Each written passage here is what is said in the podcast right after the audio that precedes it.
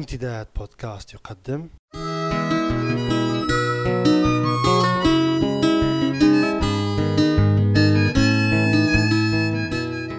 رسالة من لندن.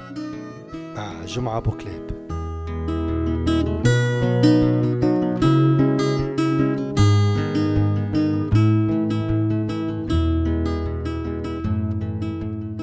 لماذا أسميناه طاليس؟ وما وجه الشبه؟ بينه وبين الفيلسوف اليوناني؟ ومن كان الأسبق فينا لإطلاق هذا الاسم عليه؟ ولماذا تخذلني ذاكرتي حين أكون في أشد الحاجة إليها؟ هل لأن تفاصيل حياة الغربة في مدن غريبة جعلت ذاكرتي تتملص فرارا من تفاصيل غربة السجن الطويلة والمريرة؟ حين قرأت اسمه هذا الأسبوع في خبر منشور في أحد المواقع الليبية على الإنترنت تبدى لي وجهه بكل تفاصيله قريبا وحقيقية كراحة يدي.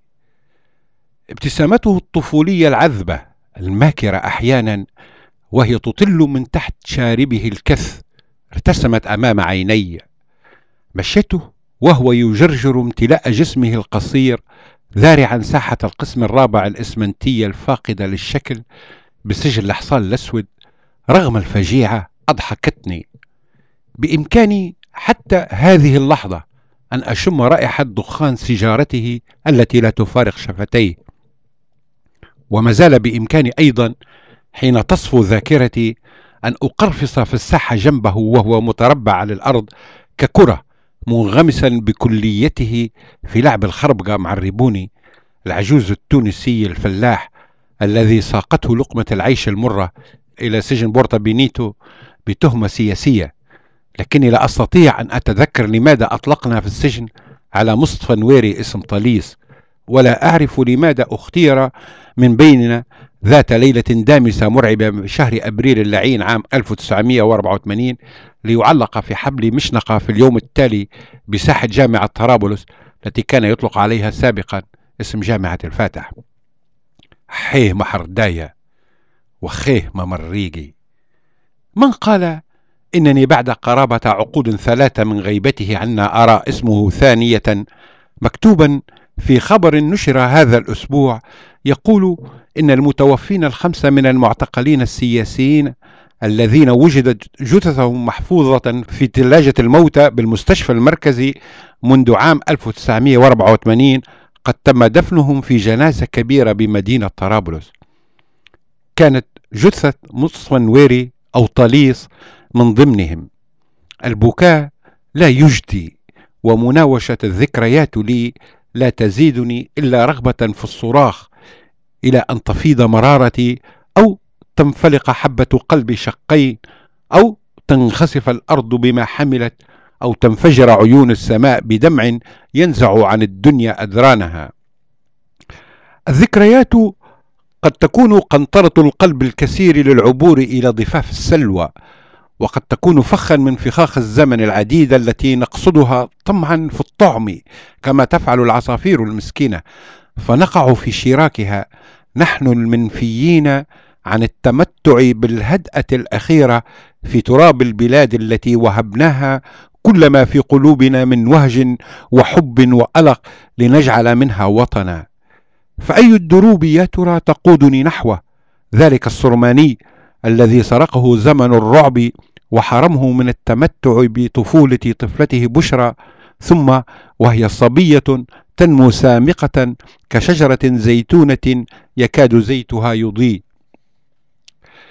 في حدة اشتعال الأحداث الطلابية في جامعتي طرابلس وبنغازي عام 1975 ثم في عام 1976 سمعت باسم مصطفى النويري الطالب بكلية الحقوق بجامعة بنغازي.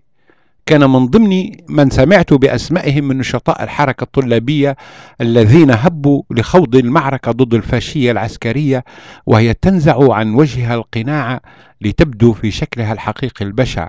وكان أيضا سياسيا بعثي الهوى عاش فترة من حياته في العراق. ويبدو أنها أي تلك الفترة كانت السبب وراء الحكم الذي أصدرته المحكمة الثورية عام 1984 بشنقه رغم حكم محكمة الجنايات السابق لذلك ببراءته. في عام 1980 كان النويري ضمن مجموعة خلية صغيرة من بقايا حزب البعث الذين ألقت اللجان التي كانت توصف بالثورية القبض عليهم وأودع السجن. دخلوا علينا حوالي خمسة منهم في القسم الرابع بسجن الحصان الأسود وهناك التقيت بمصطفى النويري لأول مرة.